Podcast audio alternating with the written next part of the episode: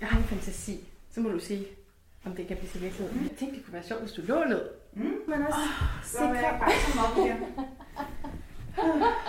Ej, det kan jeg rigtig godt lide det her.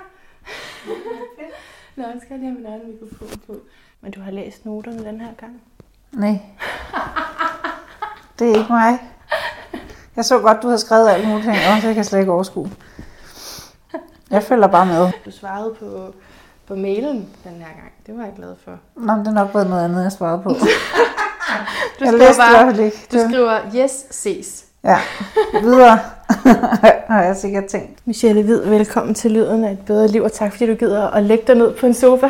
Det er bare dejligt. Det kan være, at jeg ikke rejser mig igen. I hvert fald i søvn. Det havde simpelthen bare sådan en fantasi om, at jeg tænkte, hvordan kan det her interview blive allerbedst? Det er der, hvis du bare er sådan helt overgivet, ikke? Om det har jeg jo ikke så svært ved. Så. Nå. Jamen, du er også tyr. Så du har lavet et nyt hashtag. Ja, Og du har- uforfærdet. Du har også skrevet en bog, men du har også lavet et nyt hashtag. Ja. Uforfærdet. Er det i forbindelse med... Ja, hvad, kan du, måske skal jeg bare spørge, hvad er det i forbindelse med det her uforfærdet? Er det i, for, i forhold til alt i livet? Eller noget specifikt? Ja, har svært ved at forestille mig nogle steder, hvor man har en uh, positiv effekt ud af at gå forfærdet ind i noget. Ja. Så ja, det er vel alle steder. Jeg går jo uforfærdet ind i det meste, og når jeg sådan lige tænker tilbage, så er der jo også nogle steder, især tidligere, hvor jeg er gået forfærdet ind i noget, og det kommer der ikke noget godt ud af. Så jeg tror, det er alle steder. Hmm. Jeg har det som om, at din bog er sådan en jukebox af gode citater. Så jeg tænkte på, at jeg kunne skrive, jeg kunne læse nogle af dem op, Ja. og så kunne du ligesom sige, Nå, det var det her, det her, det handler om. Hvad siger du Mm. Skal vi prøve det? Ja. Okay. Så på side 39. Jeg var en skygge af mig selv, og en meget stor skygge. Er det ikke sjovt? Jeg grinede også. For jeg vejede vel 30 kilo for meget. Hvad er det, det handler om der? Jamen, det handler om, at jeg er blevet væk fra mig selv. Og på den måde er en skygge af mig selv. Og i det her med at blive væk fra mig selv, har jeg også passet virkelig dårligt på mig selv. Øhm, og så er jeg blevet overvægtig. Øhm, og så kan jeg bare huske, første gang jeg tænkte, at jeg er en skygge af mig selv, så tænkte jeg, det er godt nok en stor skygge. og så tænkte jeg, "Nå, men så er jeg blevet til en stor skygge af mig selv. Okay, så er der på side 69. Apropos væderenergien. Vi bliver nødt til at budgettere med noget uventet modgang. Vi bliver nødt til at kæmpe fra det udgangspunkt, vi har. Vi bliver nødt til at finde glæden i det, der er tilgængeligt for os. Ja, jeg synes, der er så meget, øh, at folk i stedet for at finde glæde og lykke i alt det, de står med. Altså huske, at det er et mirakel at skære en vandmelon midt over, og at vand har lavet en vandmelon. Altså det er jo et mirakel, men i stedet for at, at huske alle de her små hverdagsmirakler, så er der en tilbøjelighed, synes jeg, i samfundet til at øh, give alt for meget opmærksomhed til det, vi ikke har. For eksempel så delte jeg jo i forbindelse med min bogudgivelse her, så delte jeg nogle goodiebags ud, blandt andet til dig, Mm. til nogle mennesker, jeg synes, der trængte til at blive forkælet, og i den goodiebag havde jeg puttet alt det ned i, som jeg selv ville være blevet glad for at få, og som jeg synes havde en eller anden sammenhæng med bogen. Og så var der nogle mennesker, jeg havde lyst til at forkæle, og de fik en goodiebag. Og så er der jo nogen, der har lagt nogle film og billeder op af, at de har modtaget de her goodiebags, og selvfølgelig blevet glade, fordi det var helt udgangspunktet for dem. Og så er der nogen, der sådan, der er godt nok forskel på folk. Jeg fik kun en bog. Og det provokerede mig simpelthen så meget. At der, og i så fik folk ikke kun en bog. De fik en bog nede i en super lækker mulepose. Ja. Men i stedet for at fokusere på, at jeg fik kun en bog, så kunne man jo også tænke, her er en bog, jeg kan fordybe mig i, og jeg har ovenikøbet fået en super lækker mulepose med til, når jeg skal ned og handle, i stedet for at fokusere på, der er godt nok forskel på folk. Ja, der er forskel på folk. Der er forskel på alle folk. Der er ikke to mennesker i verden, der er ens. Ved du hvad? Det har du ret i, og jeg synes faktisk, det er virkelig modigt, at du vælger nogen ud. Jeg kan huske tilbage i det herrens år 2007, hvor jeg blev gift, at jeg, hvor jeg skulle holde bryllup. Ikke? Altså modet til at vælge imellem, hvem der skulle med. Ja. Det, det er traume for mig. Og nu, jeg husker det tydeligt, fordi man nok tydeligt husker noget omkring ens bryllup, men det kunne være så mange andre ting. Øh, Det der med at vælge nogen ud, det kræver også noget mod, men det er jo det, der er det ærlige. Det ærlige er jo, som du siger, at der er forskel på folk. Der er nogen, man er tættere på end andre, og der er nogen, der... Altså, Og der er nogen, man har lyst til at give, fordi de har givet Ja. en noget den anden vej. Ja. Øhm, og der er nogen, man har lyst til at give, fordi de virkelig trænger. Der kom en pige i lørdags, jeg sad og signede bøger hjemme på min, på min nye fantastiske trappe hjemme i mit, i i mit hus. Ja. Og øhm, der kom en masse og øh, købte en bog, og jeg signerede. Og så var der en, der kom lige et kvarter efter de andre, så jeg havde lige tid til at snakke med hende et øjeblik. Og hun var ikke på nogen måde ynkelig, men hun fortalte en meget barsk historie om, hvordan hun var alene med fire børn. Og nu havde hun lige fået dem passet, fordi hun skulle fra Nordjylland til Nordsjælland for at sige farvel til sin døende bedstemor. Og hun var bange for, hvor meget hun kunne få lov at være hos den bedstemor på grund af corona. Ikke? Ja. Øhm, og hun, hun, hun, hun fiskede ikke efter, hvor er det synd for mig. Hun havde slet ikke nogen, det er synd for mig følelse. Ja. Og midt i det hele, så siger hun, faktisk købte jeg ikke bogen med det samme, fordi jeg havde sgu ikke lige økonomi til det. Men nu når jeg så alligevel skulle til Sjælland, og kunne få den af dig på din trappe, så har jeg valgt at gøre det. Og så betalte hun, og så kørte hun. Og så tænkte jeg om aftenen, hun skal sgu ikke betale for min bog. For jeg har været der, hvor hun er, hvor man ikke helt har råd til at købe en bog, man ønsker sig. Og hvor hun har kørt hele vejen fra Nordjylland til Nordsjælland for at sige farvel til en, hun elsker, hun ikke ved, om hun får lov at se. Hun skal bruge de penge på noget olie, hun kan smøre sig ind i, eller en, et eller andet, hun ønsker sig. Og så tænker jeg, hendes penge vil jeg ikke have. Dem sender jeg tilbage. Og så kan man sige, at der kom 40 mennesker i lørdags og købte bøger, men hun skulle ikke betale. Men hende havde jeg lyst til at forkæle. Ja. Og på den måde er der jo forskel på folk. Ja. Og hvis hun havde været for to år siden, var hun måske et andet sted, og om to år er hun helt sikkert et andet sted. Men lige der, hvor hun var i lørdags, der ville jeg ikke have hendes penge. For der er forskel på folk. Det, Det er er der, der. og der er også forskel på de situationer, vi står i. Ja, det er der. Ja, apropos så kom jeg til at græde for gangen i, igennem den her bog. Øh, Blandt andet, hvor du skriver, altså du har sådan et forslag, om vi kunne tage et skilt på, hvor der står grødlabil. Ja. Når vi er i bestemte tid, altså sæsoner af vores liv. Jeg skrevet, men det er rigtigt. Du men skriver- det er fordi, at jeg er verdensmester i at være grødlabil. Ja, Øhm, og øhm, i perioder har jeg også været det så tilpas længe ad gangen, at jeg ligesom har måttet leve igennem min grødlabilitet. Hvis man bare er det en formiddag, så kan man måske hive stikket og blive hjemme. Men i perioder har jeg måske været det i 14 dage ad gangen. Og som selvstændig og alene med to børn, så har jeg ligesom ikke bare kunne ligge derhjemme med en dyne over hovedet i 14 dage. Og så er jeg bare gået grødlabil ud i samfundet. Og når man er grødlabil, jamen så græder man jo, når der er en sky, der ser anderledes ud, end man havde tænkt sig. Eller der bliver rødt lys, når man godt vil nå over for grønt. Og så, så græder man jo ingenting. mm. Og så har jeg bare hørt mig selv sige igen og igen, jeg er lige grødlabil, men det skal I bare lige ignorere. Og så tænker jeg, gud, hvor ville det være smart, ja. hvis man kunne signalere det, så folk bare lige tænker, hende der, hun ligner en, der har brug for et ekstra knus i dag. ja. Og I dit horoskop, som jeg er virkelig glad for at få lov til at se. Og du må sige, hvis der er noget, jeg skal lade være med at Nej, nej, Nævne. nej, hemmeligt. Men det du, jeg kan jo bare bekræfte det i sådan symbolsk sprog, der er det der det karmiske punkt, som du har i krabsen. Og krabsen er enormt følsom, og det går op og ned, og det behøver ikke at være gravalvorligt, men det går bare op og ned. Og du skriver om det sådan her, livskriser er uundgåelige for os alle sammen, så hvorfor gemmer vi dem væk? Så hvorfor hvad? Så hvorfor gemmer vi dem væk? Ja. Og det synes jeg er rigtig, rigtig godt, fordi det er jo netop accepten af, altså vi er jo alle sammen i en proces, og du er i en proces med, altså du ønsker jo heller ikke, at det skal være sådan hele tiden, så der er selvfølgelig en vis Ja, ja. rejse hen imod Men jeg tænker andet. sådan lige nu, hvor Men- jeg er i mit liv, det er simpelthen så øh, lykkeligt og så sjovt og så øh, fuldkomment. Og så kan jeg stå ude i min udendørsbruser under æbletræet, Ja. under et bad, og så tænke, jamen hvis jeg havde vidst for tre år siden, hvor jeg græd mig igennem, jeg Ja. tror, jeg græd mig igennem hele 2015, så er det mere end tre år. Mm. Hvis jeg havde vidst det, så havde det sgu nok også været lidt nemmere, men det ved vi jo ikke. Og under alle omstændigheder kan vi jo ikke mærke det, når vi står i det. Nej, det er rigtigt. Og alle har jo de kriser, så jeg forstår slet ikke, hvorfor det skal være sådan en offentlig hemmelighed. Lige præcis. Og det er jo det, jeg er så vild med dig. Og ved du Ja. hvad, hvis du nu sagde til mig, Ja. jeg er et svært sted, nu er vi jo ikke super tætte, vi har jo ikke en hverdagskontakt, men hvis vi nu havde, og du sagde til mig, jeg er et super svært sted, jamen, så Mm. vil jeg vide, at du har brug for, at jeg kommer over og lavede aftensmad og lige foldede noget Mm. vasketøj, når jeg var der. Mm. Men hvis du signalerer, at alt er godt, så ved jeg ikke, at jeg skal hjælpe dig. Nej. Og så opstår den her ekstreme ensomhedsfølelse, som er de fleste menneskers værste fjende, ikke? Jo. fordi vi ikke rækker ud efter hinanden. Det næste, som jeg synes er så vigtigt, det er, at når du rækker ud fra mig, så siger du samtidig, jeg har brug for dig, og jeg kan godt lide, Ja. at der er brug for mig. Det er der, hvor jeg er lykkeligst, det når jeg kan give noget af mig selv. Mm. Men hvis du aldrig rækker ud efter mig, så føler jeg mig ligegyldig.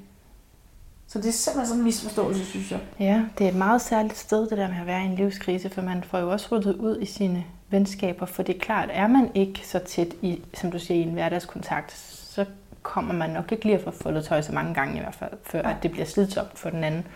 Så man får også ryddet ud i, hvem er det, jeg skal være sammen med. Men det synes jeg er en anden meget usagt ting, det er, at der er nogle mennesker, som man har brug for, eller vi har brug for hinanden, det lyder grimt at have brug for, men der er nogle mennesker, som er gode for hinanden i perioder af deres liv, og i andre perioder er de ikke. Og så kan mm. det komme igen, og så kan det... Men, ja. men livet er jo ikke en lineær Nej. funktion.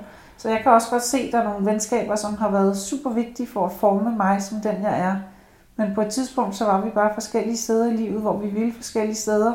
Så i stedet for at slå sig på hinanden, så var det bedre at sige et, respekt, et, et respektfuldt farvel. Ja. Ja, det har du ret i. Og det, ja, så det handler også om at være uforfærdet, ikke? Og så at ture det. Ja, der er, det er heller ikke nemt. Nej. Men der var heller ikke nogen, der sagde, at det skulle være nemt. Nej.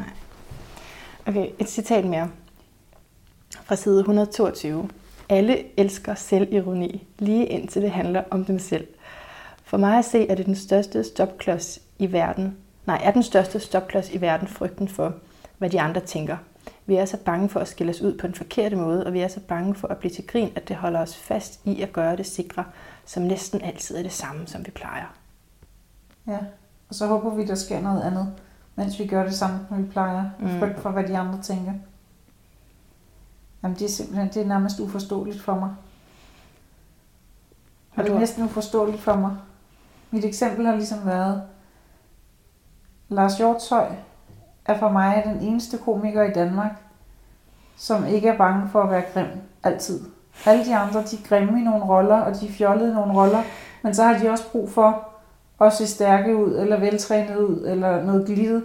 Og så kan de godt være grimme lidt igen, når man har set, at de kan være pæne. Men Lars Hjortøj, han er ligesom for mig et billede af, at han hviler nok i sig selv til at være evigt sjov. Og det så på bekostning af, hvordan vi ser, hvordan vi ser ham. Og for mig så bliver ja. han bare større, og heler og smukkere. Ja. ja. Jeg har lige set den der serie Store Lars, men jeg ved ikke, om hvad den har med virkeligheden at gøre. Har du set jeg ser næsten aldrig. Jeg ved noget i fjernsyn. Jeg ved det ikke, jeg ser ikke en skid. det, det er jo på en af de der jeg, webkanaler. Jeg tror, hvis jeg så fjernsyn, så ville jeg være det travleste menneske i ja. verden. Men den handler om... Jeg ikke, at jeg er travl, men det er fordi, jeg aldrig kigger på en skærm. Nej, det er godt. Det er dejligt. Men det er, det er bare sådan en serie om ham. Men jeg ved, selv ved man jo aldrig, hvor meget det der er sandt. Det er Nej. bare det. No. Jeg føler, at jeg kender ham, fordi jeg har set den. Okay. Men hvem ved? Øhm, okay, det kan være, at vi skal lidt hen imod den, den lykkelige slutning også. Vi skal jo derhen. Øhm, så kan vi flakke lidt tilbage. Det er slutningen. Nej, på bogen. det er slutningen af bogen. På bogen. Ja. Absolut ikke slutningen. Just beginning. Ja, øh, hvad står der? Der står, det her er der bare drømmen. Nej, det er mig, der skriver det. det er mig, der, det er min note mm. til side 240. Øh, det, der står der, fordi jeg synes, det her det er bare drømmen. Hver gang Morten åbnede munden, var jeg imponeret og interesseret. Det var næsten irriterende, at jeg skulle vælge mellem kys eller mere snak. Ja. Det synes jeg er drømmen, at man kan have den. Men sådan har jeg det evigt. Skal jeg tale med ham, eller skal jeg kysse ham? Jamen, for mig fremstår han bare hele tiden som, altså, jeg ved godt, at folk kigger på mig, og mange tænker, at det er et helt menneske. Det er et helt menneske, der hviler i sig selv. Mm. Men han er jo bare min overmand. Mm. Altså, øh, der var en, der spurgte mig i sidste uge, sådan skeptisk, er det virkelig så lykkeligt, som du signalerer på de sociale medier? Og dem, der følger mig på de sociale medier, ved godt, at når der er noget, der er lort, så viser jeg lort. Kommer det også og når der er noget, der er godt, så viser jeg godt. Men jeg forestiller i hvert fald, forestiller aldrig noget, der ikke er. Så når der er nogen, der spørger, sådan, er det virkelig så godt, som det ser ud? Så er det åbenbart det. Og så tænkte jeg bare, øh, øh, ja. Og så tænkte jeg ind i mig selv, nu har vi været kærester i halvandet års tid, at jeg har stadig til gode, at han bare kigger irriteret på mig. At han bare, du ved, at han bare lige fornemmer, at han er irriteret. Og det kan jeg ikke selv leve op til. Jeg har tyret med noget vasketøj og raseri, og jeg har også smækket en dør. Jeg tror, han købte, jeg har givet ham en finger. Men det så han ikke, så det tæller ikke. Øhm, så jeg kan, ikke, øh, jeg kan ikke leve op til den høje standard, han sætter.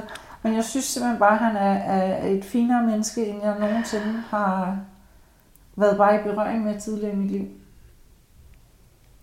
Jeg synes, den er så smuk, og den fik mig også til at græde. Altså, så forud for det her går jo et kærlighedscirkus. Det var dit ord sidste gang, vi talte sammen. Sidste interview med dig og en, der hedder en forfatter, der hedder Ulla Hinge Thomsen.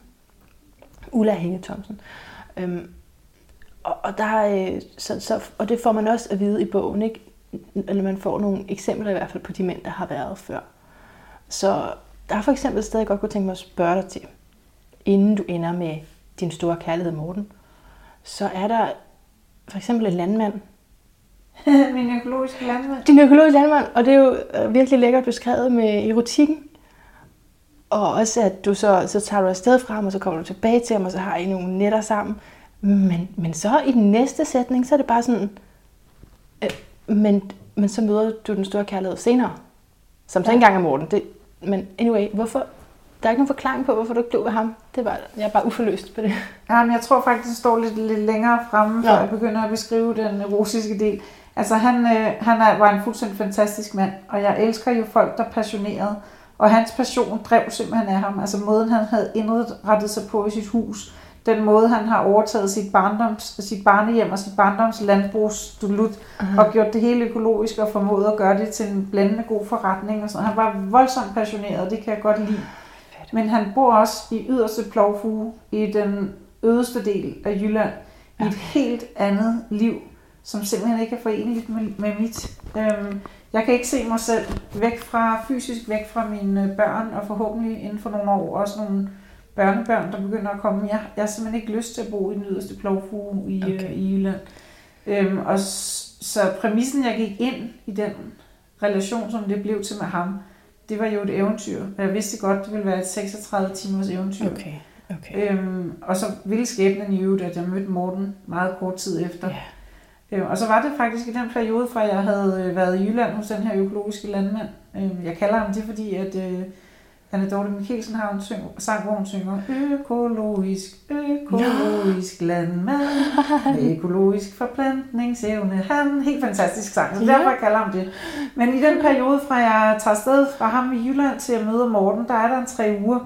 Og der er han interesseret i at ses, og han vil også godt komme til København.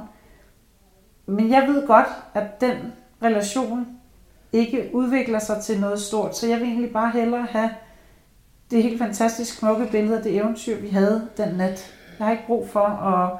Det er ligesom, når man møder nogen på en ferie, og så når man møder dem i Danmark tre måneder efter, så har man slet ikke samme energi. Jeg har ikke lyst til at forstyrre det billede. Jeg har ikke lyst til at øh, forsøge at presse mere ud af den relation. Den var bare smuk, som den var. Mm-hmm. Mm-hmm. Så, okay. Men så, så der, man kommer i bogen igennem nogle, nogle stykker, nogle billeder på, hvem mm. du kunne have været sammen med, og synes jeg meget genkendelige billeder. Og der, hvis jeg ikke husker helt forkert, så har du en overskrift, hvor der står, man kan også møde mænd uden for Tinder. Ja, det kan Noget af den stil. Jeg kan, jeg kan ikke huske det, men jeg møder den stil. også nogen. Du møder nemlig også nogen, men så Morten, er han ikke på Tinder? Han er med på Tinder. Ja, ja men det skulle bare lige...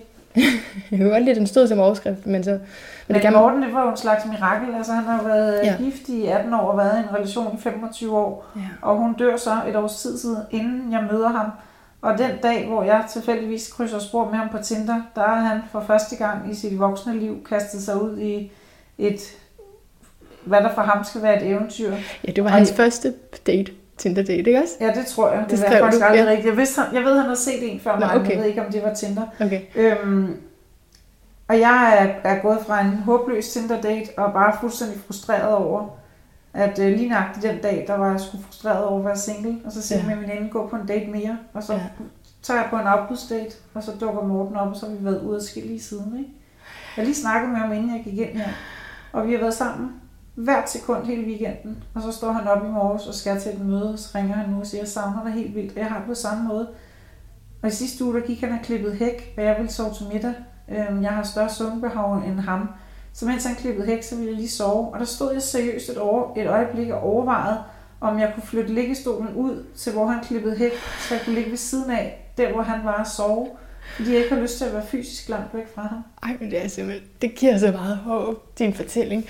Måske du lige skal fortælle lidt om ham, fordi det lyder ukompliceret, men det er jo sådan temmelig kompliceret med i hvert fald, altså I, I flytter sammen med alle jeres børn. Jamen, det er helt ukompliceret, men der er mange børn. Ja. men det er al- aldeles ukompliceret. Jamen, Okay, jeg har to. Jeg har øh, Benjamin, som er i starten af 20'erne. Han er flyttet hjemmefra. Han er radiovært på Radio Loud og kører sit eget liv. Ikke? Aha. Og har ikke boet hjemme i snart fire år, så han flyttede hjemmefra allerede som 18 år. Det er meget ukompliceret. Han, Ja. Måske også at på grund af min sygdom, øhm, så havde han nogle... Altså han har sgu ikke været særlig aldersvarende, så selvom det var tidligt, så var han meget klar, da han var 18, og det foregik meget fint. Jeg var kunne næsten ikke have min lille dreng, var blevet en stor dreng, der flyttede ud, men han var klar, ikke? så det er Ja. meget fint. Ja. Og så har jeg Camille hjemme, som er øh, nu 14, bliver snart 14. Og øh, Morten har så fire børn. Han har en på 14, og så har han tvillinger på 18, og så har han Esther på 20. Og Esther på 20 har Downs. Så der er fire børn, hvor jeg, den ene har Downs, og så er han så enke, og så har han en ret stor karriere faktisk. Øhm, så, så det er jo det, der udadtil lyder som en hektisk husholdning, fordi vi har fem teenager, hvis er vi også tæller. Esther som teenager, hun er ja. på mange måder den yngste. Ikke? Ja. Øhm, men det er ikke hektisk overhovedet, fordi vi har fuldstændig samme værdisæt, og øhm, alle er, altså vi prioriterer et fællesskab enormt højt. I dag er det mandag, så er det Laurits, der laver mad. I morgen er det tirsdag, så er det Camille. Jeg har onsdag.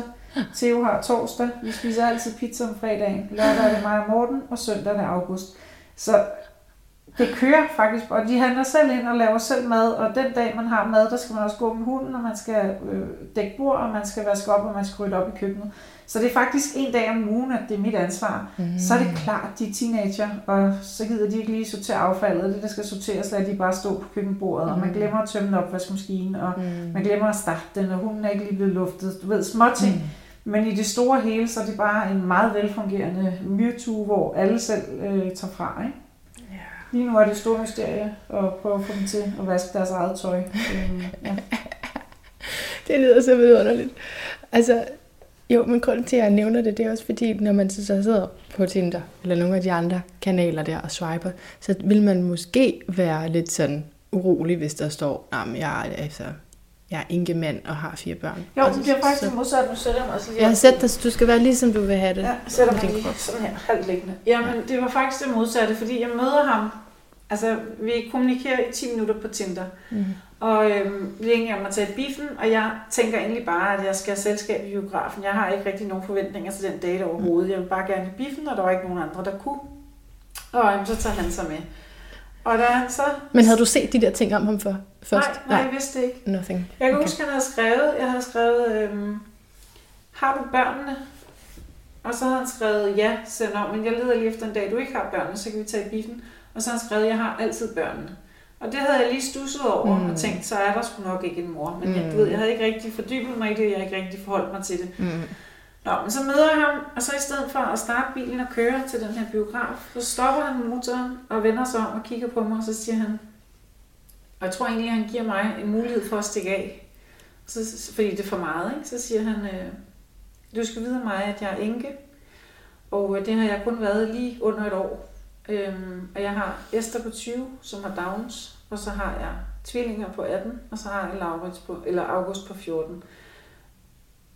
Og det eneste, jeg hører, det er, at det sindssyge menneske har fået først en med Downs, og så tvillinger, og så er han fire. Ja. Og det synes jeg simpelthen er det skørste, jeg nogensinde har hørt. Så jeg siger, jeg skal, jeg skal simpelthen lige forstå. Fik du først en med Downs, og så fik du tvillinger, og så valgte du at få en til? Ja, sagde han så. Og så var jeg smadret grin til det. Og hvorfor i alverden gjorde du det? Ja. Fordi jeg kunne. Og så tænkte jeg, han kan alt. Han er min. Jeg var forelsket i at minde, vi nåede ind til biffen. Ja. Det er altså en helt stor kærlighedshistorie. ja, men det er også den helt store kærlighed. Ja. Jeg tror simpelthen, vi er snittet ud af den samme pind. Men altså, det, sådan noget, det tror jeg jo også på, fordi jeg tror på reinkarnation. Skal vi tale lidt om det? Ja, det tror Fordi jeg du- på overhovedet. Nej, du har et afsnit, der hedder reinkarnation. Det er på side 200. Jeg ser så vanvittigt meget konformitet, at jeg får lyst til at skrige, brøle, smide tøjet, gøre oprør, for jeg vil hellere falde, flyve eller zigzagge, end at leve så sikkert, at vi bliver kvalt. End at leve så sikkert, at vi bliver kvalt af at gå med både livrem og seler. Ja, men det gør jeg også. Hold da op, jeg hader, når konformiteten bare... Jeg har ikke noget imod konformitet, og jeg kan også godt lide at sidde godt her. Men jeg har noget imod, når konformiteten bliver en vane, man ikke forholder sig til, og så gør man, som man gør, fordi man gjorde sådan i går. Øhm. Ja, men så grunden til, at du taler om reinkarnation, det er for at sige, at vi har kun nu. Ja, det du, synes jeg. Og så, ja. så tager jeg det som en positiv overraskelse, ja. hvis jeg får en chance mere. Yes. Men jeg vil vride alt, hvad jeg kan få ud af det her liv. Ja. er vigtigt for mig at vride ud af det. Men det er vi helt enige, øh, enige om. Men uh, reinkarnation for mig er ikke, at så kan man sige, så får jeg bare en chance mere, fordi der er man, mm. du inkarnerer til en helt anden person, det er bare, altså, det er Eller bare en lille. samme sjæl. Ja, mm. ja, ja, forhåbentlig ikke.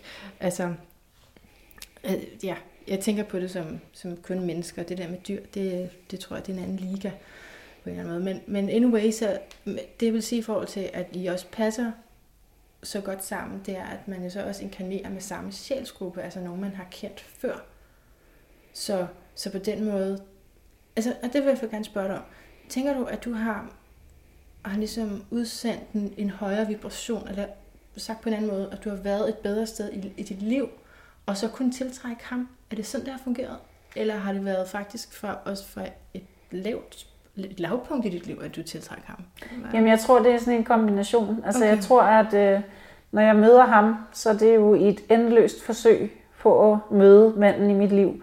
Jeg har gået mange ture rundt om mange søer og mange parker og drukket mange kopper kaffe og vendt det videre ud af øjnene mange gange, og alligevel er jeg troppet op en gang til. Mm. Så dels er han sådan helt matematisk, sandsynligheden for at møde ham bliver større, jo flere mænd jeg møder på min vej. Mm. Så tror jeg, at Morten og jeg har en, øh, en frekvens, der er vores. Yeah. Og det tror jeg, at vi har, fordi Morten han får Esther, hun har Downs. De beslutter sig for ham og hans afdøde kone, at de vil have et barn mere. Hun bliver gravid. Han får leukemi. De får at vide, det er tvillinger. Og inden tvillingerne bliver født, er Morten meget syg af leukemi, og han slås for at overleve det første stykke tid i tvillingernes liv. Så får han at vide, at han kan ikke få flere børn på grund af al den kemo, og så dukker August op. Og så dør Tine. Han ved godt, at livet er i dag, og jeg har jo været igennem et forløb med sygdom med hjernetumor, hvor at jeg i den grad mistede mig selv og kæmpede mig tilbage til mig selv, og gjorde mig en masse overvejelser, hvad er det egentlig, jeg vil kæmpe mig tilbage til, fordi jeg også havde mulighed for at lave en ny start, men jeg kan rent faktisk godt lide det menneske, jeg er. Så et langt stykke hen ad vejen kæmper jeg mig tilbage til rigtig meget af det, jeg stod for, og så vælger jeg måske også bevidst og ubevidst noget fra, jeg ikke har brug for mere i mit liv. Da jeg møder Morten, er vi simpelthen på den samme frekvens. Vi ved godt, at man kan dø. Og det næste er, at jeg føler, at jeg for første gang i mit liv, det starter nogle år forinden, har en følelse af, at jeg er elskelig. Og hvis man ikke kan finde ud af at elske mig, så er det faktisk ikke mig, der er noget galt med, for jeg generer ikke nogen. Så den her følelse, jeg har haft af, at jeg ikke er god nok, den har jeg skubbet fra mig. Og når Morten så står foran mig, og faktisk bare elsker mig med hud og hår, så er det den her uforfærdighed kommer ind i billedet. Jamen så bliver jeg også nødt til at stille mig nøgen foran ham i regnen og sige, godt, så gør vi det. Og vi er begge to gået fuldstændig uforfærdet ind i det her. Og den relation, som vi har, den ville ikke kunne være skabt, hvis nogen af os havde været, øh, havde været forfærdet. Og de gange, hvor jeg alligevel har krasset lidt i en forfærdighed, fordi jeg er jo et brændt barn, og brændt barn skyr ilden. Mm. Og når man er presset, eller jeg bliver bange, jamen så reagerer jeg på noget, jeg har taget med fra nogle tidligere relationer til mænd så har jeg bare været i den heldige situation, at Morten han er aldrig blevet valgt fra. Han har mistet på grund af sygdom, men han er aldrig blevet valgt fra for det menneske, han er. Så han står og ved ikke, hvor ondt kærlighed kan gøre. Han har ikke samme sorg. Han har ikke noget sorg. Mm. Altså han har en sorg, fordi yeah. han har mistet, Præcis. men han har ikke noget sorg. Mm. Og de gange, at jeg har faret vild, så i stedet for at reagere på min frustration, men frustration som det, man tit ser i parforhold, så har han mere stillet sig foran mig og sagt, Jamen, hvad kan jeg gøre for dig lige nu? Jeg kan se, du mangler noget. Jeg har lyst til at mm. elske dig endnu mere. Mm. Og så er jeg ligesom bare blevet nødt til at overgive mig. Ikke? Ja. Ja. Og jeg kom til at tænke på flere ting. Jeg skal lige finde det igen. Så I har det at være dødskonfronteret mm. til fælles. Vi er begge to været super dødskonfronteret, ikke? Ja. ja. Det skriver du også et meget, på en meget fin måde, skal jeg finde det. Um, jo, jeg har kommenteret her i min, mine noter, at det er et fantastisk tyrecitat, fordi tyren er i evig samtale med skorpionen, som blandt andet handler om død. Og du skriver, jeg har altid været bedst til at leve, når jeg har husket at have døden med i lommen. Mm. Ja, jeg synes, der er for mange mennesker, der lever, som om de er udødelige. Mm.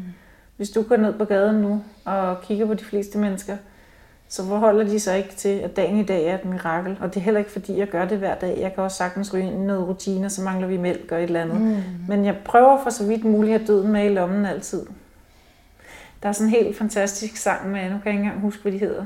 Bliv glad, tror jeg, de hedder. Hip-hop-band fra, fra 15 år siden måske. De synger, Peter, de er Peter ikke med på en sang, og en af hans strofer er, folk går rundt og ligner smagen af piller. Mm. Og hvis man går ned i et supermarked klokken halv seks, hvor folk er på vej hjem fra arbejde og skal hjem og lave mad til deres familier, så står de jo ikke og tænker, mm, jeg har lyst til at lave risotto, eller fordyber sig i noget. De tænker bare, pasta ligesom i går, øh, kødsovs ligesom i går, og går rundt og ligner smagen af piller. Og det er totalt karikeret, men der er for meget af det. Der er simpelthen for meget af det. Ja. Mm, det smager godt, det te. Og det var godt. Jeg håber ikke, det er blevet alt for koldt. Mm. Nå, men så... Jeg kommer måske i tanke om det lige om lidt, ikke? Så, så kommer det til mig. Men, øhm, men vi kunne lige fortsætte med nogle citater fra... Nej, det er faktisk, vi jeg gerne vil have dig til at læse op. Kunne jeg det? Ja, På side 296, hvor han frier til dig. Ja.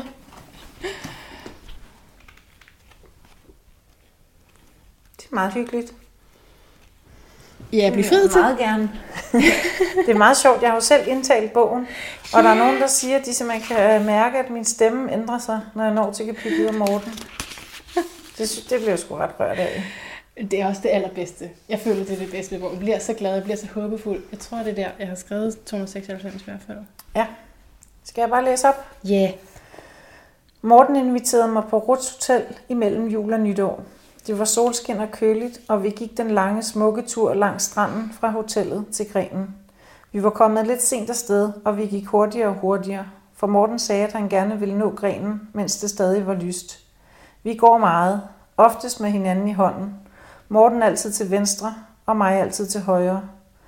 Vi joker med, at folk ville kunne se det, hvis vi en dag er uvenner og kommer gående og har placeret os modsat. Vi har aftalt, at vi stadig vil holde hinanden i hånden og huske på, at man godt kan elske sig igennem uenighed – det skal måske lige sige til dem, der ikke har hørt det her før. Grunden til, at vi altid går sådan, er, fordi jeg er døv på højre øre, og Morten er døv på venstre øre. Jeg troede, så det hvis... var sjovt, du skrev det først, indtil det gik op for mig, det var rigtigt. Ja, men det, det, var, det er faktisk rigtigt. Ja. Så, så hvis vi går modsat, så går vi med to døve, døve ører mod hinanden, ja. og derfor er det givet, at vi altid går med mig på højre side. Ikke? Jo. Nå, mens vi, mens vi gik mod grenen, svandt lyset ind, og da vi nåede frem, var vintermørket ved at snige sig ind på toppen af Danmark. Da vi nærmede os, kunne vi se, at de sidste andre gæster var på vej væk, og så endte vi med at være der helt alene. Morten gik på knæ og kiggede mig ind i øjnene og spurgte, om jeg ville gifte mig med ham. Og jeg sagde ingenting, før han spurgte, om de mærkelige lyde, jeg måtte lavede, betød ja. Og ja. Og så bandt han et strå om min finger. Han bandt samtidig en afslut, jeg kan slet ikke tale, jeg bliver meget rørt til. Yeah. Og så bandt han et strå om min finger. Han bandt samtidig en afsluttende knude på den lange fortælling, som mit kærlighedsliv har været. Og jeg er så stolt af, at jeg blev ved, på trods af alle de dage og nætter, hvor jeg har grædt mig selv i søvn, eller spist alt blandt selv slikket på hele Nørrebro. Så du kalder det en rent fryd? Nej, undskyld, det er mig igen, det er mine noter. Det er mig, der skriver, det er en ren fryd at læse. det er en ren fryd. nu skal jeg holde styr på min citater, din. Øhm, du kalder det uden agenda er en sund og almindelig relation. Og det, jeg så vil spørge dig det er, hvorfor det var nyt for dig, at han, som du også sagde før, er sådan en, der spørger, hvad han kan gøre for dig. Altså, hvorfor har det ikke været sundt tidligere? Og jeg spørger Men, jo på vegne af alle os, der også synes, det er svært med kærlighed. Men ved du hvad, jeg får det så meget i smasken nu, fordi nu ser jeg alle mulige relationer, jeg er i, også med alle mulige mennesker, som jeg ikke selv har valgt, men som er families familie, men som jeg har kendt i 20 år. Og så ser jeg pludselig den her relation med Mortens øjne. Og nu her for eksempel i weekenden har vi været sammen med rigtig meget familie. Og jeg synes, det er unaturligt med nogle mennesker, som jeg har kendt rigtig, rigtig tæt i 30 år, at de ikke forholder sig til, at jeg har skrevet en bog. For eksempel. Det er ikke sundt. Det handler sådan set ikke om mig, eller at jeg har skrevet en bog. Det handler om, at de ikke kan rumme det. Mm. Så skete der noget endnu sjovere til en, til en sammenkomst i lørdags. Så er der nogle teenagebørn med, og øhm, så er der en af de her teenagebørn, der kommer ind og siger, at hun vil, øhm, hun vil gerne lave et eller andet, hun ikke må sig for sine forældre. Så siger hun, du skal bare gøre det alligevel. og så siger Forskæg, jeg har jo lige lavet en, en bog, der hedder øh, Lev livet modigt, så du gør det bare alligevel. Og så siger hun, ja, den er min mor ved at læse. Og der har jeg siddet og snakket med hendes mor i halvanden time, hvor hun slet ikke har forholdt sig til, at jeg har lavet en bog. Og ved du hvad? Det handler jo om, at alle mulige andre mennesker end mig selv. Men i mange, mange, mange år, der troede jeg, det var mig, der var for meget. Jeg kunne jo også have lavet være med at skrive en bog, og bogen var nok også dårlig. Så jeg har altid troet, det var mig, i stedet for at læne mig solidt op af, at jeg er faktisk helt okay, som jeg er. Men folk slås selv med alt muligt. Ja, nu kan jeg huske, hvad jeg ville sige før. Jeg får et minde tilbage til fra den her bog, hvor du er sammen med, tror jeg, nogle mænd, som griner og siger, du er sådan en, man gerne vil ja. være sammen med, men ikke giftes med. Forfærdeligt minde. Det er jo, ja, det er et forfærdeligt minde, også for Skal mig. jeg fortælle lige, hvad det var, Gør der skete? det. Ja. Ja.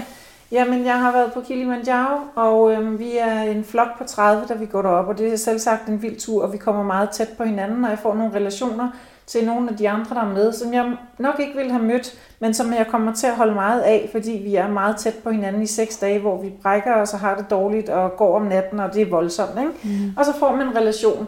Og så da vi kommer hjem, så aftalte vi at mødes på et super lækkert hotel, som havde noget fredagsbar, og så skulle vi sidde der og have nogle drinks. Og jeg tager øh, min gode ven Jakob med, og øh, der er så nogle... Øh, der er så nogle af de her mænd fra den her tur, som er lidt ældre end mig, fem år, men er, er gift, men flytter super meget med mig, men jeg ved godt, det er bare en flirt, for de er gift. Og så sidder vi til den der fredagsbar, og så er der på et tidspunkt en af dem, der spørger, er Jakob din kæreste? Og så siger jeg, nej, vi er bare gode venner. Og så griner han, så siger han, der er ingen mænd i hele verden, der ikke har lyst til at knalde dig, men du er ikke sådan en, man gifter sig med. Og så grinede de alle sammen, og så skålede vi, og så gik jeg hjem og tude, for jeg gad godt være sådan en, man giftede sig med. Og jeg forstår ikke, at jeg kan have den. Altså, jeg, jeg har ikke ønsket at have den effekt, mm. og det, det kommer ikke fra mig. Og øh, så har jeg jo selvfølgelig fortalt den historie til Morten, og især i starten var jeg jo super skeptisk. Jamen, jeg er jo ikke sådan en, man gifter sig med. Mm. Og så siger Morten bare konsekvent, nej, fordi nogle pismyre. Mm. Det handler ikke om dig. Mm. Der er flere ting i den historie, føler jeg. Både det, hvordan reagerer man der. Hvis du kunne gå tilbage, ville du nok måske have gjort noget andet? Eller sådan, vil du ikke Jamen, det? jo, Have jeg vil noget nok situationen? konfrontationen, men på et eller andet tidspunkt anerkender jeg også bare, at der kommer ikke noget ud af den konfrontation. Nej. Jeg registrerer bare, at her er ikke rart for mig at være. Ja. Og jeg har ikke lyst til at være øhm, den, de prøver at få mig til at være. Jeg har ikke lyst til at sidde og skåle og grine på, at jeg er sådan en, ingen gider gifte sig med. Det- Så jeg forlader bare selskabet. Ja, ja, ja. Men altså, ja, en genkendelig situation, hvor der bliver sagt noget, hvor man måske lige først sådan, ha, ha, ha, ha, ikke? Au, tænker man i Ja, virkeligheden. det var ikke? faktisk ikke sjovt, men hvordan Nej. kommer jeg lige ud af det her? Og så altså, at det kan blive til sådan en overbevisning i en selv. Nu er du jo så voksen, da du hører det her, ikke? men det kunne jo minde dig om noget, som du har hørt som barn i en eller anden anden variation. Jo, altså, hvor som man ikke har været på til at takle Ja. det. Ja, Ikke? ja. Men jeg hader sådan nogle komplimenter, som gør ondt. Ja, det var ikke en kompliment, det der. Nej, Det- men det det, bliver jo klædt, klædt Det- altså, det bliver pakket ind som kompliment, Ja. og det bliver serveret som en kompliment, mm. og så er der en lort inde i den pakke. Ja. Men man skal jo have en vis forståelse, og man skal have en vis hurtighed for at forstå, når det sker, før man lige pludselig forstår, at den pakke vil jeg faktisk ikke have. Det er faktisk din lortepakke, den kan du selv beholde. Ja. Øhm, og når man har fået tilstrækkeligt mange af dem, så tænker man, jamen jeg har nok fortjent er. lortepakker. Ja, ja. Og det er ikke sandt. Og jeg pisser mænd af, og det gør jeg. Mm. Jeg gider egentlig ikke rette ind efter en, der er mindre end mig, og det har jeg så ikke gjort, og det kan så pisse nogen af. Altså i sidste uge, der, øh, der, der havnede jeg et selskab, hvor der var øh, en masse mænd, og øh, de har fået noget at drikke, og de er halsnallede, og, øh, og så er der en af dem, der øh, oprigtigt gerne vil hjælpe mig. Altså han føler, han kommer med kærlighed, og det han gerne vil hjælpe mig med, det er til, hvordan jeg skal promovere min bog. Og jeg kan bare sige med sikkerhed, at den her bog er den mest velpromoverede bog, der er kommet ud i Danmark i 10 år. Den var udsolgt, inden den kom, udkom i første oplag. Andet oplag er dobbelt så stort som det første. Den er jo rent femstjernet ud af flere hundrede anmeldelser. Og alligevel så føler han, at han som mand mm. har, øh, har ret til at sidde og fortælle mig, hvordan jeg skal promovere min bog. Uh. Og undskyld mig, men han er der, hvor jeg var den første dag, hvor jeg satte mig ned med en blog i januar og tænkte, hvordan skal jeg takle det her, når den kommer ud Ja. i juni. Ja, du var way ahead. Ja, og jeg gider egentlig ikke at blive talt ned til. Og når jeg så lader opmærksom på, ved du hvad, det er så pænt af dig, men jeg tror, du får svært ved at fortælle mig noget, jeg ikke allerede har tænkt over. Jamen, du kunne jo også. Jamen, det gjorde jeg i februar. På et eller andet tidspunkt, så, så, så, så bøjer jeg af, for jeg gider ikke gå ind i diskussionen. De mænd bliver jo rasende på mig, fordi han sidder, sidder jo og føler, at han får mig guldkorn. Men lige nøjagtigt på det punkt, der er faktisk et hestehoved foran ham. Mm. Jeg føler, at i dig, og også i lyset af dit horoskop, der forenes styrke, eller vågemodet, og styrken, med sårbarheden. Og det er jo den kvalitet, som man i en mands verden gemmer væk. Mm. ikke?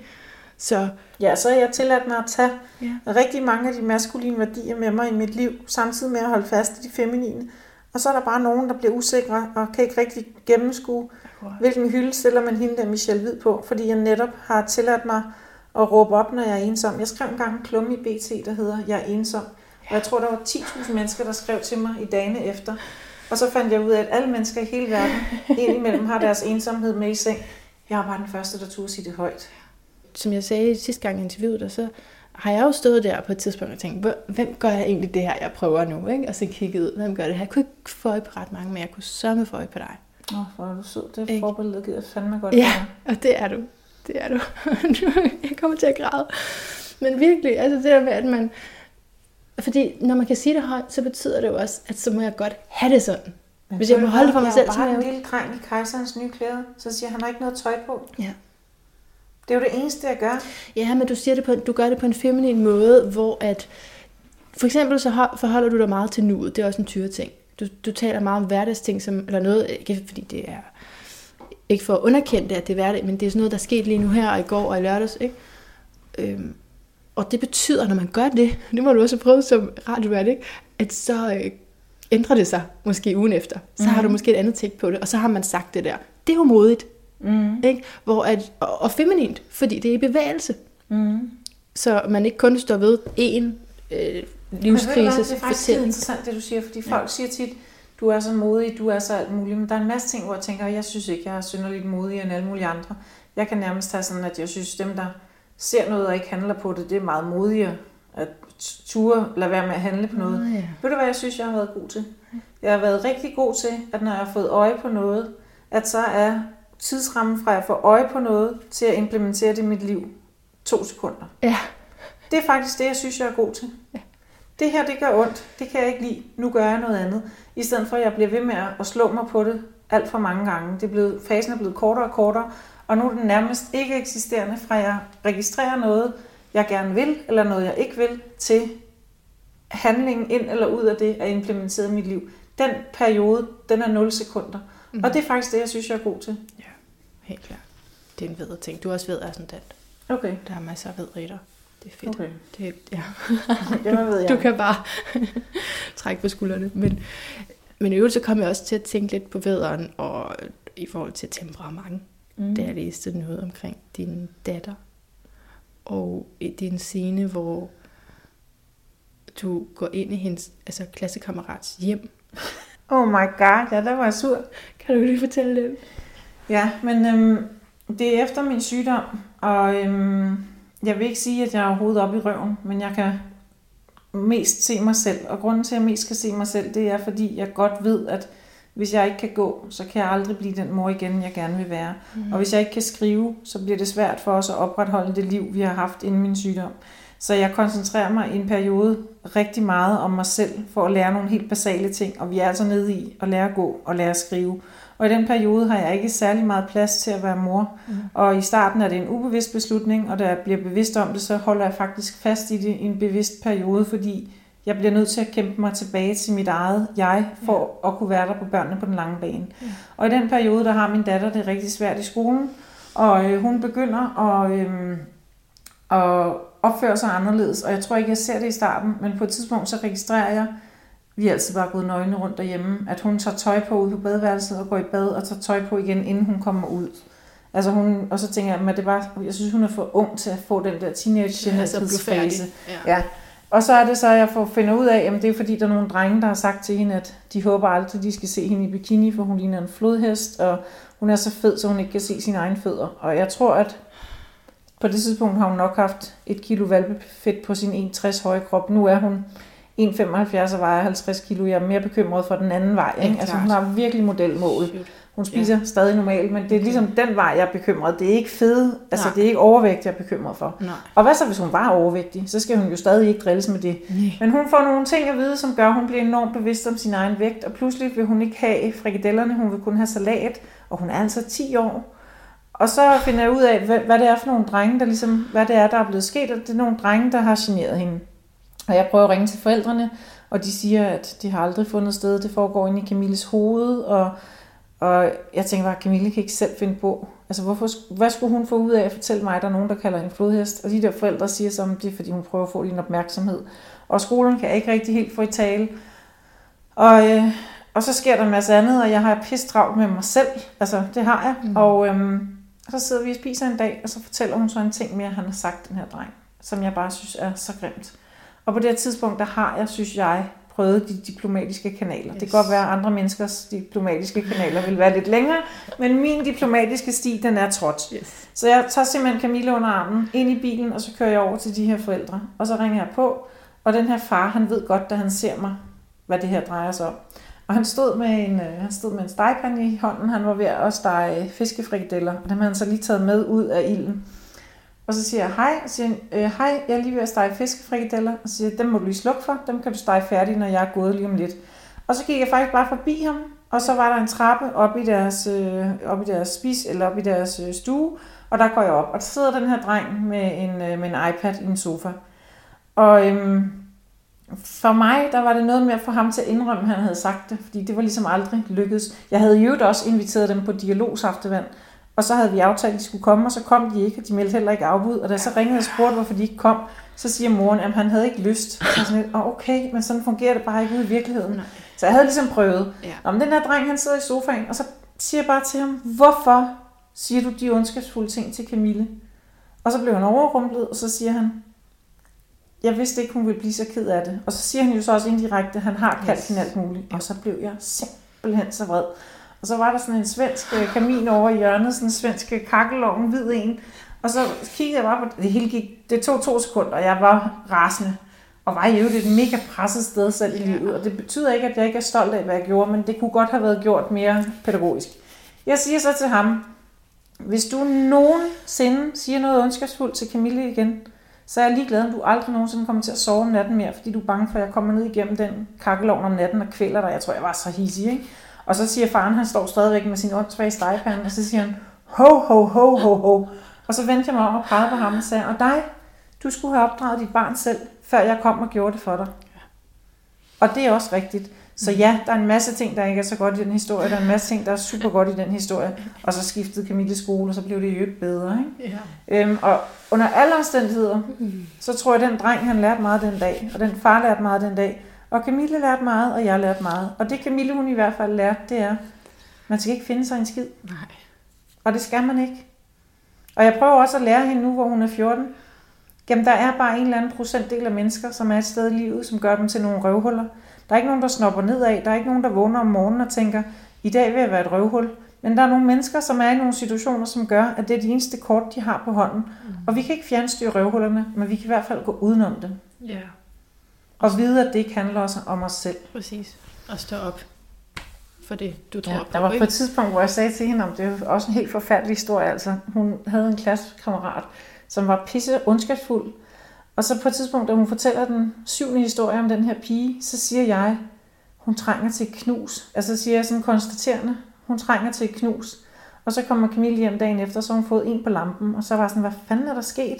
Jamen den der pige, hun havde været super uhensigtsmæssig igen, og så Camille gået over til hende og sagt, du trænger til et knus, og så har hun fået en på lampen. Åh, oh, Michelle. Så det er ikke Ups. noget godt råd, lærte jeg på den hårde måde. Ups. Det er ikke alle, der trænger til knus, der nødvendigvis skal have det.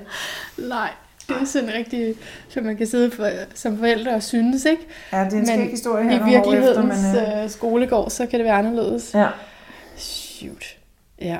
Så der er jo flere sider af mod. Ikke? Det er jo det. Ja, og, og mod er også noget forskelligt hver dag. Mm. Jeg tænkte på, altså vi er lige ved afslutningen, men jeg tænkte på, om vi lige kunne nå at snakke en lille smule om sex. Mm. Fordi det synes ja. jeg nok er en af de vigtigste emner, så det kan vi godt. altså, fordi der er du jo også øh, dejligt blond i dine fortællinger om det. Og nu sagde du før med Morten, at der var du nødt til at stå nøgen, men der var det metaforisk. Mm-hmm. Udover I naturligvis også sex, men, øh, men der var en anden, jeg kan ikke huske om det er en eller flere historier, hvor at, øh, eller måske er det bare en historie, hvor I aftaler, at du står nøgen, så snart han kommer Nå, ja. hjem til dig. Og jeg har ikke mødt den anden Ja, som vi er en af mine gode venner i dag. Helt fantastisk menneske, og et helt vildt anderledes menneske. Jeg kan, ikke, jeg kan ikke engang finde et menneske i verden, jeg kan sammenligne med ham. Han er så, så meget sin egen. Men ham bliver jeg meget fascineret af, og jeg har lidt svært ved at få hans opmærksomhed, indtil jeg skriver en sms til ham, hvor der står, kommer du og knaller mig? Og det vil han så gerne. øhm, meget mand, ikke? Meget, men han er så mandemande. Altså, han er alfahanden over alle alfahander. Han har så glemt at have hele sit følelsesregister med, så der er også nogle store huller i osten der. Ja. Men han, øhm, han fornemmer bare, at da jeg har gjort det, så er det sgu ret, altså det skulle også ret grænseoverskridende for mig. Så fra jeg gør det, skriver til ham om morgenen, kommer du og knaller mig, til han skal komme klokken 8, der er jeg faktisk blevet, fuck mand, hvad jeg har kastet mig ud i, og hvad nu hvis han er psykopat, og det, det. det her det er meget sårbart. Og det ja. skriver jeg så til ham, og så skriver jeg bare, pas på mig. Altså, ja. øhm, og så skriver han dels, han er, han er frømand, og så skriver han dels, jeg har mange års træning i at passe på dig. Ja. Og så beder han mig om at stå nøgen. Og det gør jeg så. Og så er vi ligesom ude over hele den der med, hvordan kommer vi videre herfra. Mm-hmm. Øhm, fordi jeg står bare der nøgen, og er, altså, her står jeg. Vil du have mig, eller vil du ikke have mig? Øhm. Men nogle af de der hændelser, møder med mænd seksuelt, har det gjort ondt bagefter, når det ikke er blevet til det, du havde regnet med?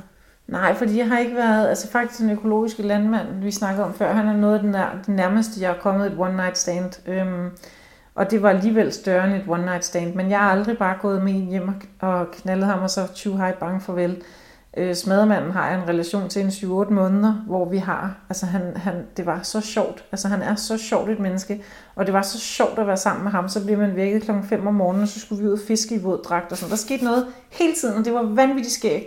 Og jeg vidste også godt, at prisen for ham var høj, fordi han aldrig nogensinde ville nusse mig eller age mig eller give mig et kompliment. Men han var skæg at være sammen med. Mm. Men det er jo ikke et, et one night stand, så jeg føler ikke, at jeg har ligget nogensinde tomt tilbage. Som når jeg hører nogle af mine veninder fortælle om, at man så fylder et eller andet på et mindre værd, og så i virkeligheden så mindre været større bagefter. Den, yeah. den relation genkender jeg faktisk ikke så meget. Jeg lå engang på et hotelværelse sammen med en, som nu er en af mine bedste veninder, men jeg kendte hende ikke særlig godt. Men vi var på en tur, hvor vi skulle, øh, vi var på Island, vi skulle ud og ride, og vi havnede på det samme hotelværelse. Og hun har været gift i 436.000 år, og jeg var single. Mm-hmm. Og øhm, så øh, ligger jeg og sms'er med en brandmand, som jeg knaldede med. Øhm, og det var ren hardcore business sex. Altså vi kommunikerede ikke andet end at vi havde sex. Det havde vi så gennem en længere periode, men det var det, det var. Og øhm, jeg ligger, vi har det så skidskægt, så jeg ligger og griner, mens jeg kommunikerer med ham. Hun ligger og spiller et eller andet spil på sin telefon, og vi er trætte efter, at vi var ude og ride hele dagen. Ikke? Og så siger hun på et tidspunkt, hvem er det, der er så sjov? Hvem er det, du kommunikerer med? Så siger han, det er en, øh, det er en brandmand. Og så siger hun, ham glæder jeg mig til at møde. Og så tænkte jeg, nå, men det kommer du aldrig til. Og så siger jeg til hende, men det kommer du aldrig til. Og så siger hun, Hvor, hvorfor, hvorfor må jeg ikke møde ham? Så jeg vi knaller bare. Og så siger hun, og hun er jo et helt andet sted, fordi hun har været gift, siden hun var meget ung. Ikke? Og så siger hun, hvorfor vil du gøre det for ham? Oh. Hvis, hvis, øh, hvis det ikke er noget vejet. Og så tænkte jeg, ham? Det må han fandme selv rode med. Jeg gør det 100% for mig selv. Har han lyst til at knalde mig, så skal jeg lige bruge hans, hans, nogle af hans kropsdele. Og når jeg er færdig med at bruge de kropsdele, så skal jeg faktisk ikke bruge ham særlig meget andet. Og hvis han også kan få en glæde ud af det, så kan vi finde ud af det sammen. Men jeg var ikke interesseret i en relation, som var andet end det. Så det kan jo være begge dele. Det kan jo godt være en ren sex-ting. Det er jo interessant, ikke? Fordi det er også igen maskulint, eller i hvert fald sådan stereotypt. Jeg har ekstremt mange maskuline sider. Ja, det er jo stereotypt, ja. vil være manden, der vil have det sådan, ikke? Fordi jeg ved ikke, jeg kan huske tilbage, sådan Dr. Phil, der sagde, vent med at give det hele væk, indtil han har sat øh, en ring på din Men jeg finger. kan fortælle dig, at den aften, jeg møder Morten, ja. der tager vi jo så i biffen, og allerede inden vi når til biffen, så er jeg forelsket. Mm. Og da han så følger mig hjem, mm. og følger mig op til min lejlighed og kysser mig, mm. der ved jeg med det samme, at han skal ikke kysse mig, hvis han ikke mener noget med det, for det kommer til at gøre ondt. Ah, så den aften, der siger jeg jo til ham, da han har kysset mig, så siger jeg, prøv lige at høre, hvis du forfører mig nu, og jeg ikke hører fra dig i morgen, så får du et fucking ud af din seng, for det betyder allerede for meget for mig. Det havde jeg slet ikke kunne gøre med ham. Hvis vi havde haft sex, og det havde været slut der, så ville jeg have grædt i et halvt år. Det var allerede super vigtigt for mig, fordi han var det fineste menneske, jeg nogensinde havde mødt. Men det er ikke sådan, jeg har haft det med, med andre. Det kan jo godt være en smuk mand, eller en fysisk smuk mand, eller en, der er sjov en aften. Eller... Men Morten, det var bare noget helt andet. Jeg vidste allerede, da han gav mig det første kys, at det her, det var det, jeg gerne ville med resten af mit liv. Så hvis han ikke mente noget med det, så ville jeg helst ikke have det. Jeg havde ikke lyst til at gå og kigge på min telefon i en uge efter, i håb om, at det var fra ham. Så det er noget helt andet, når der er følelser med over. og forelskelse. Ja. Men kan vi ikke også være super bredspektret med, hvad vi Jo. skal... Jo, Jo, nogle jo, gange jo, bruger vi agurk til gurksalat, og nogle gange så putter vi den i salaten. Ja. Så det. Den kan mange ting, sådan en gurk. det er sjovt, jeg ikke fik sagt agurk. Den tomater. Michelle, jeg ved, jeg skal spørge dig. Kan vide, om jeg spurgte dig sidst? Det gjorde jeg vel. Fordi at mit standardspørgsmål er, hvad, hvad er din lyd af et bedre liv? Min lyd er et bedre liv. Ja. Men ingen af jer skal huske, hvad du svarede, vel? Jamen nu svarer jeg. Jeg Svar tror ikke, jeg har mødt Morten sidst, vi, vi Nej, det talte havde du sammen. ikke. Det havde du ikke. Jamen nu er helt klart liven er et, er et godt lyd. Det er mig og Morten tæt på hinanden. Altså utvivlsomt. Berøring med Morten på alle måder. Både fysisk og psykisk og praktisk og alt. alt. Altså jeg kan slet ikke alt, hvad der er i mit liv, det er flettet sammen med Mortens liv nu. Det, det, det, er, det er helt klart lyden af et godt liv. Altså, jeg har jo ikke lavet andet end at være på Happen, siden at jeg læste din bog. Ja, men det er da en god idé. Jeg var jo også på Happen. Var det, var det på Happen? Jamen ham, øh, min smadremand, som jeg kalder ham, som nu er en af mine gode venner, Mm. ham mødte jeg også på en af de der er skide apps. Ja. Øhm, jeg synes jo, de der apps er geniale, hvis man har en meget tynd, tyndhullet si. Altså hvis man hælder, Man kan 10, sige nej til mange, eller hvad? ja, hvis man hælder 10.000 mænd ned i en sigte, så må der godt komme en, to ud. Men man skal være virkelig dygtig til at navigere i, hvem det er, man kommunikerer med hvem. Og jeg havde for eksempel også på min Tinder-profil, havde jeg simpelthen bare skrevet, som det er, om velvidende, at det ville skræmme 98% af alle mænd væk. Men jeg prøvede heller ikke at lokke 98% af alle de mænd Nej. Til, som jeg ikke skulle bruge til noget. Jeg ville hellere skræmme dem væk med det samme. Så jeg vidste godt, at de få mænd, der er ragt ud efter mig, de kunne godt tåle mosten. Ikke? Så hverdagsbilleder og ærlige ord på profilen. ingen, øh, ingen glitrede billeder. Jeg har jo tusind billeder fra alle mulige blade, hvor Ja, ja. ja. de sidder perfekt, og make-up'en er ja, perfekt. de Ja, Dem havde jeg lige nøjagtigt ikke brugt.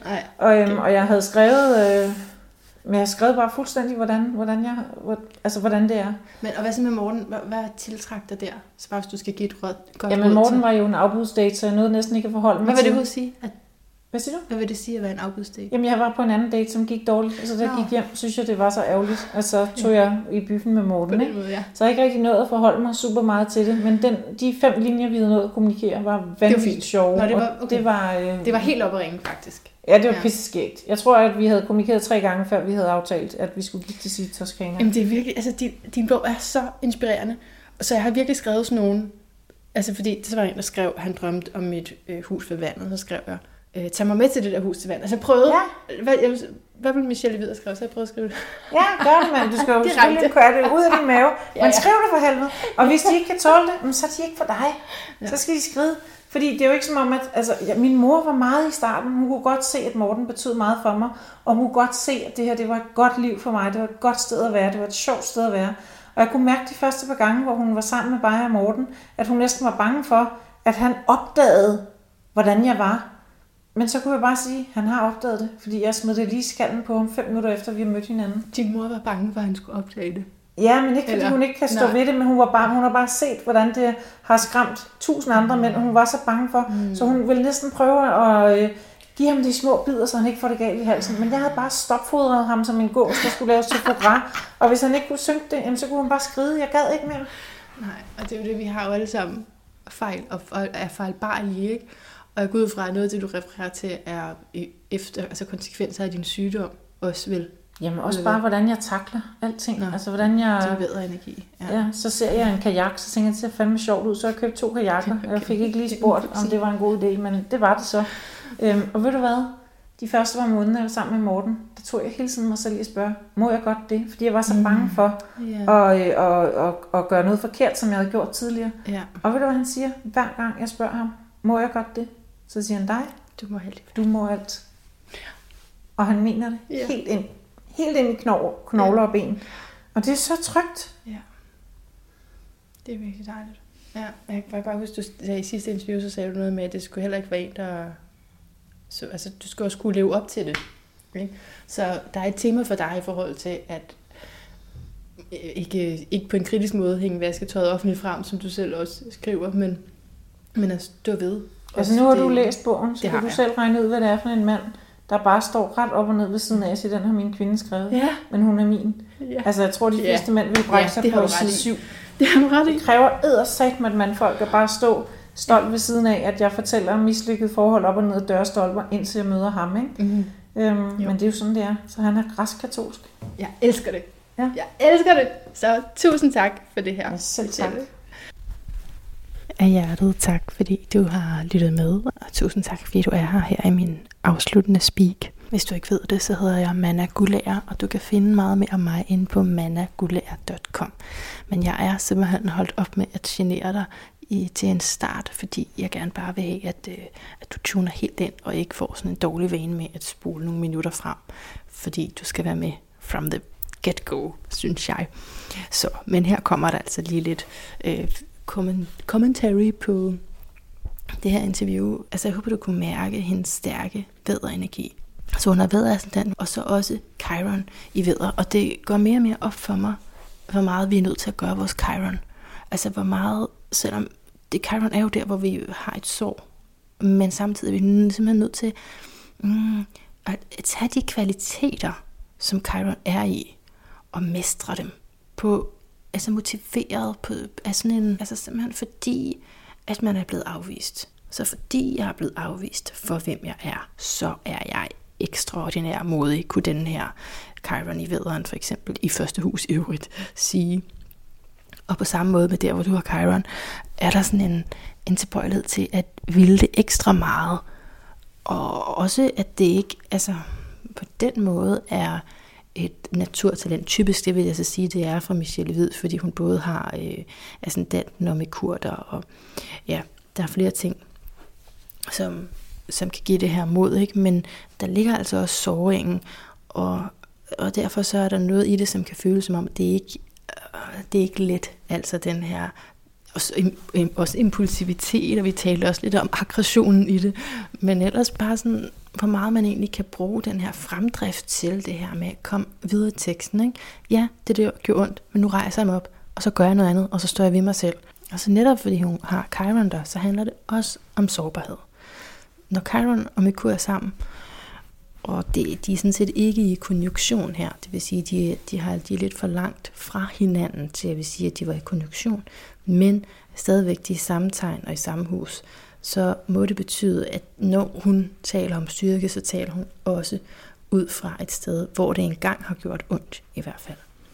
Altså noget, der kan føles sårbart. Og sådan vil jeg våge påstå, at det også er der, hvor du har din Chiron. Der er noget i det, der ikke er let, men du er nødt til at gøre det alligevel. Du er nødt til at gøre det alligevel. Hvis du har lyttet til den her episode, så er det jo meget velkommen til at hashtagge lyden af et bedre liv, hashtagge Miss Manna. Det plejer jeg at gøre, men lige nu kan du altså også hashtagge uforfærdet, fordi at det er til Michelle Hvids øh, hashtag til den her bog. Ikke mere herfra, bare af hjertet tak, og altså på genhør. Indtil vi høres ved igen, kan du gentænke alt, men måske især, hvor du kan gå mere modigt og uforfærdet til dine livs benspænd og udfordringer.